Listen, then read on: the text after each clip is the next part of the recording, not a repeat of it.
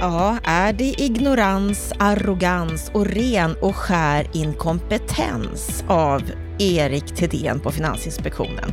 I veckans Aktuellt så kommenterar Lennart Weiss ett webbinarium som genomfördes i veckan i regi av Stockholms handelskammare där Lennart Weiss var en av deltagarna och Erik Thedéen en annan. Det Lennart Weiss är väldigt kritisk till det är att Erik Thedéen gör sig skyldig till självmotsägelse, grova faktafel. Han försöker bortförklara att han mitt i en brinnande högkonjunktur har förorsakat ett historiskt fall i bostadsbyggandet. Ja, lyssna och bilda dig din egen uppfattning. I veckans Aktuellt så tar vi också upp eh, det replikskifte som just nu finns på bostadspolitik.se mellan Åsa Johansson, ordförande för Sveriges allmännytta och Robert Hanna när det gäller Liberalernas förslag till behovsbostäder. Varmt välkommen till veckans Aktuellt. Jag heter Anna Bellman. I veckans Aktuellt ska vi börja med ett seminarium i tisdags som Stockholms handelskammare höll, som handlade om hur ska ekonomin kunna omstarta på riktigt när bostadsmarknaden haltar så svårt. Det var flera personer med under det här seminariet, bland annat Thedéen som bland annat höll med om att bostadsmarknaden inte fungerar. Han menar att många unga lånar till bostad, att det är en högre andel nu än för fem år sedan och då menar han att om det var negativa effekter av kreditrestriktionerna så alltså skulle statistiken inte se ut på det sättet. Han menar att fakta motsäger det många kritiker till Finansinspektionen säger och att de flesta svenskar är för amorteringskrav. Och du, Lennart Weiss, du var ju med på samma seminarium och du håller ju inte alls med honom i det här. Nej, till att börja med så skulle jag verkligen vilja uppmana lyssnarna att eh, gå in på Handelskammarens hemsida och eh, ta del av det här seminariet. Det är ett webbinarium på en timme. Och skälet till att, det, det, eh, till att göra det, det är att det är ett sällsynt tillfälle då man får höra Thedéen live prata om de här sakerna, men också bli kommenterad. För som i varje fall Bostadspolitiks eh, lyssnare eh, vet så, så, är det ju väldigt svårt att få generaldirektören för Finansinspektionen att ställa upp. Han vägrar konsekvent att komma till Bopolpodden han vägrar konsekvent att komma till seminarier där han hamnar i debatt och blir ifrågasatt. Han vill helst prata själv, oemotsagd och sen kunna lämna podiet. Men nu fick vi i varje fall en chans att kommentera. Eh, och då blir det ju faktiskt intressant. Därför att eh, det man ju kan konstatera det är att man, när man lyssnar på Thedéen så gör han sig ju skyldig till eh, vad ska vi säga, till, till, till självmotsägelser i den högre skolan. Därför att å ena sidan så säger ju Thedéen så här, att eh, de åtgärder som man har infört, de har fått helt avsedd effekt. Det har dämpat priserna, det gör att äh, människor äh, söker sig till mindre bostäder, skuldsättningen har dämpats. Det är liksom den ena argumentationen. Och den andra argumentationen är att de här åtgärderna som har införts, de har absolut inte drabbat de grupper som kritikerna lyfter fram i debatten. Alltså ungdomar, förstagångsköpare, familjebildare, de som vill flytta till de pulserande storstäderna för att ta del av den moderna tjänsteindustrins jobb. Ingen drabbas. Den logiken är ju helt obegriplig. Å ena sidan så är alltså åtgärderna framgångsrika och fått avsett effekt. Å andra sidan är det ingen som drabbas. Ingen kan ju ta ett sån, en sån argumentation på allvar. Om vi sen tar det, det, det du flikar in, att eh, Tidén Thedéen menar att kritikerna har svårt med faktaargumentationen så fick jag ju chansen att ta replik på det i ett par avseenden. Därför att Eh, det här, det här påståendet att ung, yngre inte drabbas, det här påståendet att det är lika många ungdomar som köper idag som förr, det motsägs ju utav Finansinspektionens egna analyser. Han skrev alltså precis så som du refererar på DN Debatt hösten 19. Bara ett par, tre dagar senare så tog jag del av den rapporten han stödjer sig på. Den heter FI Analys 19 november 2019. Och där står det svart på vitt på sidan 12 att i Stockholmsregionen så är det 33 procent färre i gruppen 18 till 30 år som kan efterfråga en bostad 2018 jämfört med 2012 och på riket är det 15 procent. Så du menar att han använder sina egna faktaunderlag på ett felaktigt sätt? Ja, men det är ju helt konsekvent på det sättet. När man läser Finansinspektionens väl genomförda bolånerapporter eller stabilitetsanalyser så kan man se, kan man se att oavsett vilken parameter som hans experter granskar om det är hushållens belåningsgrad, om det är tillgångar i förhållande till säkerheter, om det är hushållens återbetalningsförmåga, om det är fördelningen av hushållens bolån mellan olika segment, om det är lån i förhållande till antalet ägda bostäder i Sverige jämfört med andra länder, eller om det handlar om eh, analysen av hushållens motståndskraft eller bankernas motståndskraft eller företagens motståndskraft så säger FIs egna experter för varje rapport som skrivs att motståndskraften har ökat, riskerna har minskat. Det finns bara en person som har en annan uppfattning och det är han som är generaldirektör som skriver sammanfattningen som sitter i sin intellektuella bunker och mekaniskt upprepar samma påståenden som blir mer och mer felaktiga för varje gång. Och en sak till måste jag få säga. När han till exempel för resonemanget om att det är priserna som tränger undan ungdomar från bostadsmarknaden och inte kreditrestriktioner, så har han ju blivit motbevisad utav Lars E.O. Svensson som en nationalekonomisk forskningsbaserad vetenskaplig analys visar att detta påstående är felaktigt.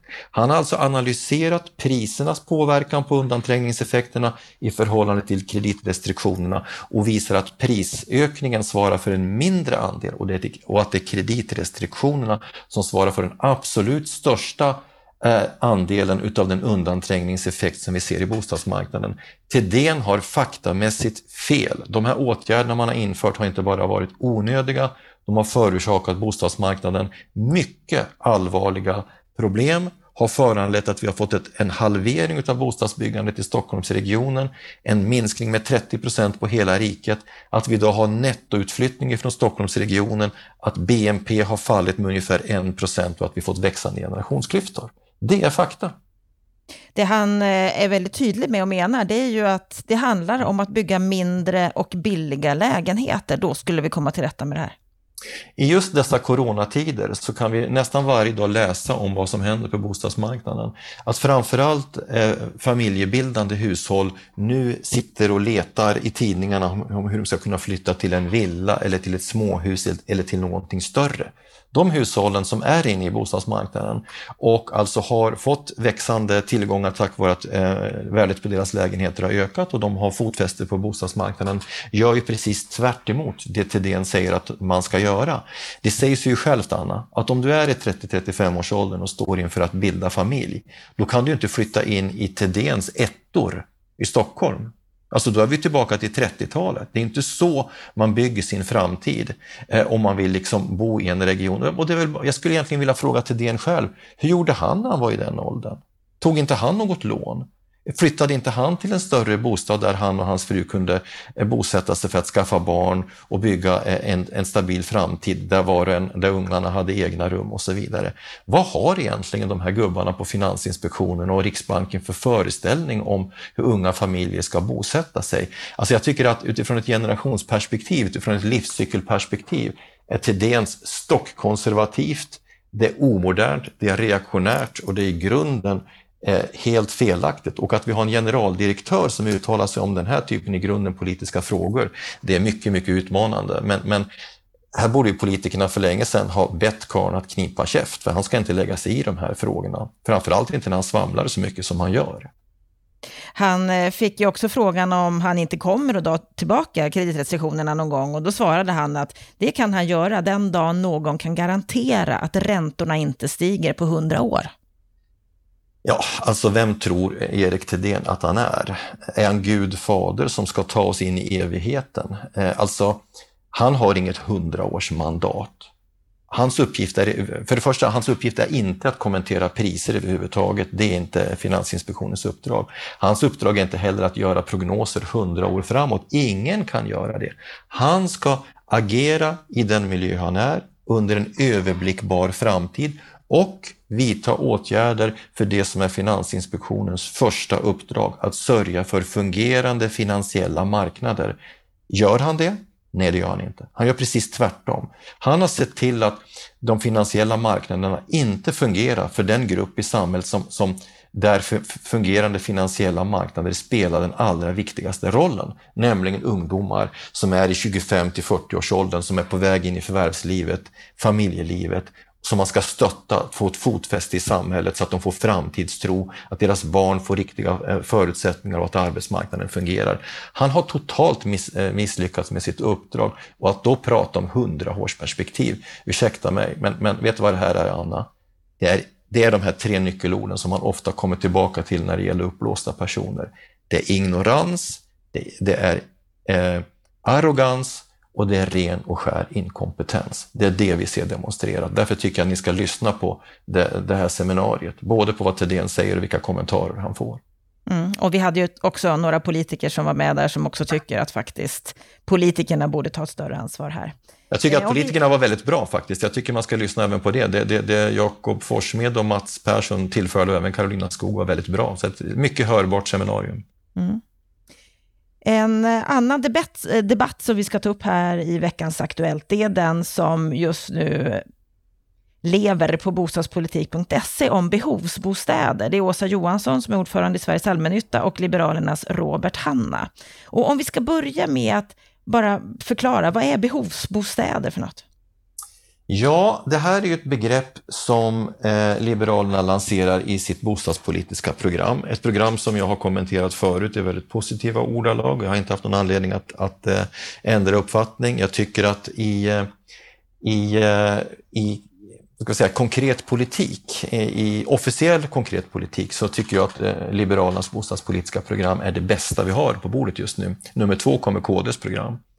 Eh, och det de gör här jag tycker det är ett väldigt brett program som både försöker adressera de problem som vi har i de segregerade förorterna, eh, de problem som utsatta grupper har i bostadsmarknaden, till exempel det vi nyss kommenterade om, om eh, eh yngre eh, och, och familjebildare. Men de försöker ju också på ett konstruktivt sätt närma sig den här frågan om de som står allra längst ifrån bostadsmarknaden, de som, som tillhör socialgrupp 4, lite vårdslöst sagt, som antingen har drabbats av hemlöshet eller har psykosociala problem eller drogproblem eller vad det nu är. Där vet vi att det finns en debatt idag där, där ganska tunga grupper opinionsbildare eh, driver idén om social housing som du vet, alltså en sorts, eh, en sorts eh, speciallösningar för de grupper som står långt ifrån bostadsmarknaden. Inte minst fastighetsägarna och akademiska experter driver den idén och som du vet är jag kritisk till det. Här uppfattar jag att Liberalerna gör, försöker göra ungefär det vi försökte göra i den socialdemokratiska expertgruppen som lade fram ett samlat program 2018. Observera, Åsa var ju en ledamot av den gruppen och i det program som hon och jag med flera la fram så hade vi ett förslag om behovsbostäder, fast vi använde inte det uttrycket. Eh, men vi, vi pratade om om eh, tillfälliga sociala kommunala kontrakt som var tidsbegränsade på två år. Det Liberalerna föreslår, som jag läser det, det är faktiskt i grunden samma lösning som vi föreslog, med den skillnaden att de, de föreslår att kontrakten ska vara på fem år. Så ur det perspektivet har jag lite svårt att förstå Åsa Johanssons upprördhet, men också, också principiella tvivel. Ja, för det hon vi... säger, det är ju bland annat att ett, att ett sånt här system, det är dyrt för samhället, det drabbar enskilda hushåll genom inlåsningseffekter och risk för utpekande. Nej, jag tycker att hon har fel där, därför att eh, tillfälliga sociala kommunala kontrakt, oavsett om de är på två eller fem år, så har de samma funktion. Om de sprängs in i beståndet så, så, har de inte någon stigmatiserande, utpekande effekt på det sättet som eh, det andra alternativet, det vill säga social housing, där man bygger liksom eh, hela kvarter eller till, kanske till och med bostadsområden med, med sådana här bostäder skulle få. Så jag uppfattar ju snarare Liberalernas eh, förslag som ett sätt att slå en brygga till de som är kritiska till traditionella social housing-lösningar. Jag, jag har sagt till, till till eh, Johan Lövstrand, Socialdemokraternas bostadspolitiska talesperson, att vore jag du skulle jag sätta mig ner med Robert Hanna och diskutera hur S och L skulle kunna snacka snacka sig fram till en gemensam lösning här, för det skulle kunna vara en lösning som skulle kunna vinna ett brett politiskt stöd utan att behöva hamna i, i kontinentaleuropeisk social housing. Så jag tycker att Sveriges allmännytta gör en lite bristfällig eh, analys här. De gör en bristfällig taktisk analys och sakpolitiskt så har jag svårt att förstå deras eh, drivkrafter faktiskt. Ja, och vill du sätta dig in i de här debattinläggen, då hittar du dem på bostadspolitik.se. Det var veckans Aktuellt här ifrån Bopolpodden. Med detta så önskar vi dig en riktigt trevlig helg.